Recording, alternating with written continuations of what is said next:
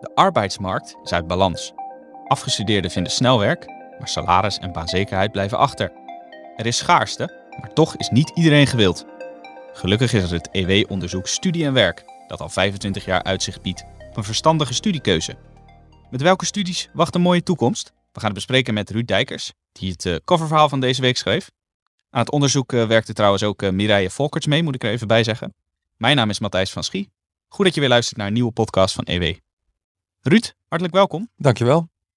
Ja, je kunt het de laatste tijd uh, niet gemist hebben. Nederland kampt met een uh, groot personeelstekort. En dan zou je zeggen, na het afronden van je opleiding moet je dan heel snel een baan kunnen vinden. Toch, Ruud? Ja, nou dat zou wel uh, de bedoeling moeten zijn. Als er zulke tekorten zijn, dan wil je niet hebben dat mensen, gemotiveerde potentiële arbeidskrachten aan de zijlijn staan. dan wil je dat iedereen ook aan de bak gaat, want er zijn vacatures. En toch is dat niet helemaal het geval. En dat blijkt uit ons jaarlijkse onderzoek Studie en Werk waarvoor we de lotgevallen van afgestudeerde HBO'ers en academici uh, peilen. En uh, nou ja, daaruit blijkt dus dat er uh, toch nog grote verschillen zijn tussen opleidingen. En nou ja, dat er dus ook opleidingen zijn waar je meer kans mee hebt om goed terecht te komen dan met andere opleidingen. Ja, over die inhoudelijke verschillen gaan we het straks hebben. Maar misschien goed om eerst nog eventjes te bespreken. Wat is dit nou eigenlijk precies voor onderzoek, studie en werk? Uh, en hoe is dat tot stand gekomen? Leuk om dat nu uh, te noemen, want het, is, het onderzoek bestaat nu dit jaar 25 jaar. Dat betekent in 1997 heeft de toenmalige redactie van Weekblad Elsevier toen nog hè, contact opgenomen met onderzoekers van onderzoeksinstituut SEO Economisch Onderzoek met de vraag hoe staan de afgestudeerden van verschillende opleidingen er nu voor? Dus uh, vind je sneller werk met een opleiding, uh, ik noem maar iets, uh, technische bedrijfskunde, dan bijvoorbeeld een opleiding sociologie. Door dat soort informatie op rij te zetten, nou ja, weet je wat een diploma op de arbeidsmarkt waard is. En nou, dat onderzoek is in de afgelopen 50 jaar uitgebreid. Er werden destijds in 1997 dus 40 opleidingen onder de loep genomen. En inmiddels gaat het om 1300 opleidingen. En die zijn dan geclusterd, omdat heel veel opleidingen toch dezelfde kansen bieden of vergelijkbaar zijn. Hè. Dus de uh, ene bedrijfskunde lijkt uh, sterk op een andere bedrijfskundeopleiding. Uh, tot 170, bijna 170 clusters. En nou ja, hoe is dat dan getoetst? De onderzoekers die hebben toegang en dat gebeurt allemaal onder strikte privacyvoorwaarden, toegang tot zogeheten microdata over alle afgestudeerden. Dus bij de eerste edities peilden we de positie van de hoogopgeleide op de arbeidsmarkt aan de hand van enquêtes. Tegenwoordig gebeurt dat aan de hand van microdata. En microdata, dat wil zeggen dat het mogelijk is om aan de hand van het burgerservice nummer, uh, waar belastinggegevens bijvoorbeeld aan gekoppeld zijn en gegevens van Duo, precies na te gaan van als je nou een bepaalde opleiding gevolgd hebt, waar sta je dan op de arbeidsmarkt anderhalf jaar na je afstuderen of bijvoorbeeld na tien jaar. Ja. Nou, dan kun je zo vrij nauwkeurig vaststellen met welke uh, studie je sterk staat en met welke juist niet. Ja, dus het is ook, ook veel betrouwbaarder dan wanneer het op basis van enquêtes zou gebeuren. Ja, ja, ja, want je, je hebt over iedereen gegevens. En nogmaals, uh, wij krijgen die gegevens natuurlijk niet. Wij krijgen uiteindelijk de, de statistieken die, daar, uh, die daaruit rollen. Ja, nou dat is een ontzettend uh, omvangrijk uh, onderzoek dus en ook betrouwbaar, uh, zoals Ruud net heeft toegelicht. Hey, laten we het toch nog heel even hebben over die actualiteit, want de arbeidskrapte, daar lezen we natuurlijk veel over. Personeel gezocht, dat zie je op elke hoek van de straat.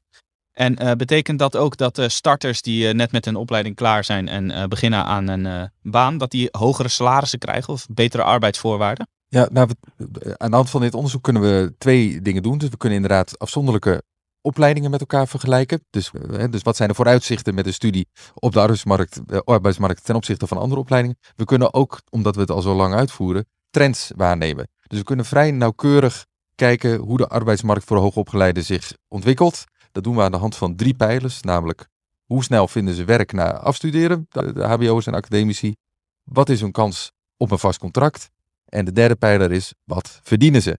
Nou, dan zien we bij deze drie uh, op deze drie pijlers in de grafieken, die ook in het blad staan, uh, zien we drie dingen. Ze vinden inderdaad veel sneller werk dan voorheen. Kortom, er is vraag naar hoogopgeleide. Hè, ze, ze worden bij wijze van spreken de, de collegebanken uitgetrokken, om een cliché eh, aan te halen. Eh, maar de salarissen blijven, eh, als je die grafieken naast elkaar zet, die volgen die lijn niet. Die, die zijn min of meer gestagneerd. En dat geldt ook voor die vaste contracten. Kortom, ze komen snel aan het werk. Er is vraag naar de hoogopgeleide. En dat weten we ook natuurlijk. Dat is wat iedereen eh, hoort. Maar nu kunnen we ook goed nauwkeurig aantonen dat de salarissen en de vaste contracten, kortom indicatoren voor goede marktwerking, niet goed werken. En dan zeggen wij van, dan is die markt niet in balans. Precies, dus ook eh, werkzoekenden zouden best wat meer salaris kunnen vragen in het begin, omdat ze best sterk staan. Nou ja, dit is wel de tijd om dat, eh, om dat aan te pakken. Ja, precies. Hey, eh, je zei het net al eventjes eh, na de intro dat er eh, grote verschillen zijn per opleiding. Kun je er een aantal noemen die echt opmerkelijk zijn, waar de verschillen echt heel groot zijn? Want hè, je kan denken van, als je maar gestudeerd hebt, dan komt het wel goed. Hè, dan heb je zo werk. Maar, maar zo zit het niet. Er zijn verschillen tussen opleidingen, nog steeds. Het maakt uit wat je gestudeerd hebt. En kijk, uiteindelijk komt iedereen, of iedereen, hè, de, de, de, meeste mensen komen toch wel weer, of die komen op een plek. En eh, die vinden werk, daar komt het goed mee. Alleen, bij de een duurt het veel langer om iets te vinden dan voor de ander. Eh, nou goed, als je kijkt naar de uiterste, als je eh, bijvoorbeeld een, technische studie of geneeskunde, ik, ik noem maar iets, studeert, dan, dan, dan, nou ja, dan heb je zo werk gevonden. Aan de andere kant van het spectrum, dan heb je nou ja, wat meer creatieve alfa-studies in het HBO. Denk aan, aan, aan dans, de dansacademie of eh, nou ja, de, de meer eh, Theater. eh, theater Ja. of cultuurstudies aan, aan de universiteit. Dat zijn echt de, de uiterste. Om toch wat secuurder te kunnen kijken, hebben we nu ook gekeken naar welke afgestudeerden staan op al die drie pijlers. Nu sterk en tien jaar geleden ook al. stabiliteit. Stabiliteit.